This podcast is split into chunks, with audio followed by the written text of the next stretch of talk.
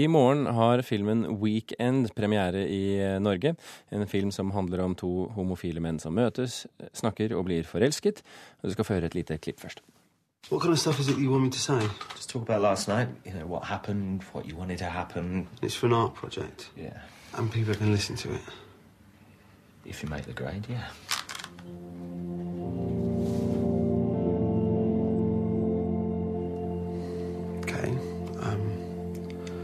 I saw you in the club, and I thought you were out of my league or whatever.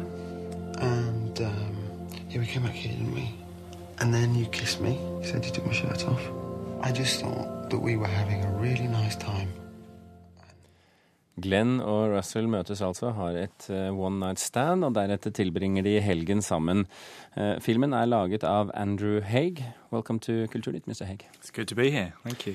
Why did you want to make a film about two people falling in love? I think it's just a really interesting subject, and I think it's often not treated seriously enough. It's usually just becomes romantic comedy or it's something like that, and I think it's just a really interesting period in people's lives when they first meet each other and get to know each other. Han sier han hadde lyst til å lage filmen fordi veldig ofte så blir eh, filmer om romantikk bare romantiske filmer. Eh, og dette er en, eh, en viktig del i folks liv eh, når de møter den de blir eh, glad i. Um, dette er altså to personer som sliter med sitt um, Mr. Haig, what are their struggles, those two, Glenn and Russell? I think both of them have probably got similar struggles, but they just go about things in a different way.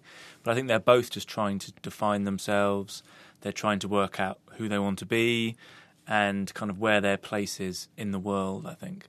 And they both just go about that in a different way from each other. Ja, Det er altså to, eh, to unge menn som for så vidt har de samme problemene. De prøver å finne sin plass i verden, de prøver å definere seg selv. De har litt forskjellige eh, måter å gjøre det på, og det er altså det vi får da se i denne filmen. Um, Haig, Russell and gay, uh, Russell and Glenn are gay, Yeah. uh, obviously, but their loneliness and insecurity is universal. So, is this a gay movie or is it just a love story? I think it's, um, I suppose it's just a love story. I think it's obviously about two gay people, and you know, it's not embarrassed that it's about two gay people. But it's certainly, I think, you know, any story like this, as long as you kind of get deep enough, you'll realise it's a universal story.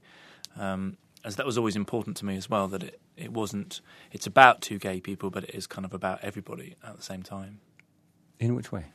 Well, I just think in the end, you know, everybody wants and needs the same things from life.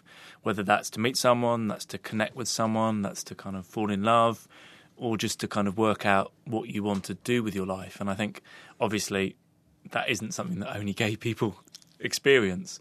But I suppose with this story, it has the kind of, you know, added kind of complexity that they are gay, and with that comes its own problems, I suppose. Hegg Heg sier her at eh, i bunn og grunn så er dette bare en eh, kjærlighetshistorie, og dypest sett så er det en eh, universell historie når man tar bort liksom overflaten her. Eh, Alle vil ha det samme i livet, alle prøver å finne sin eh, plass. Eh, I tillegg så er det altså disse to eh, unge mennene eh, har da noen problemer som bare de har som homofile, som handler om eh, identitet og frykten for hva andre mener osv. Uh, is it then uh, uh, all in all a political film? Uh, I think it's political in the extent that politics is important in their lives because they are gay and it becomes quite a personal struggle that you have to go on, and part of that becomes a political struggle to some extent. Um, so, I, but I don't think it's. I didn't want to make a kind of polemic political film. So, so in what way is it political? Well, just that it's about discussing kind of the aspects of being gay and how it should exist in society as a whole, and how society can make it difficult for gay people sometimes. So it is about, it's certainly about that. Um, and when you are gay, you can't help but feel kind of isolated from the system sometimes and wanting to be part of it more or take yourself out of it. well. Eh, Han forteller her at eh, ja, politisk eh, på et vis, fordi at disse unge mennene de diskuterer jo da hvordan det er å være homofil i samfunnet, hvordan det burde være å være homofil i samfunnet. På samme vis er dette en, en, en svært emosjonell film. Jeg har lyst til å spørre han om akkurat det. The film is quite emotional in a way. How has that been important to you? I mean, that's always important to me. I think any film you want it to be emotional to some extent. Like you want the audience to, you know, feel for these characters. Otherwise, to me, there's no point in making the film. You know, uh, it, uh, first and foremost, it is a drama about these people and these characters, and the politics and the themes kind of come second. You just have to care for these people and you know want them to be happy. Um, so that's why you kind of want it to be want it to be emotional.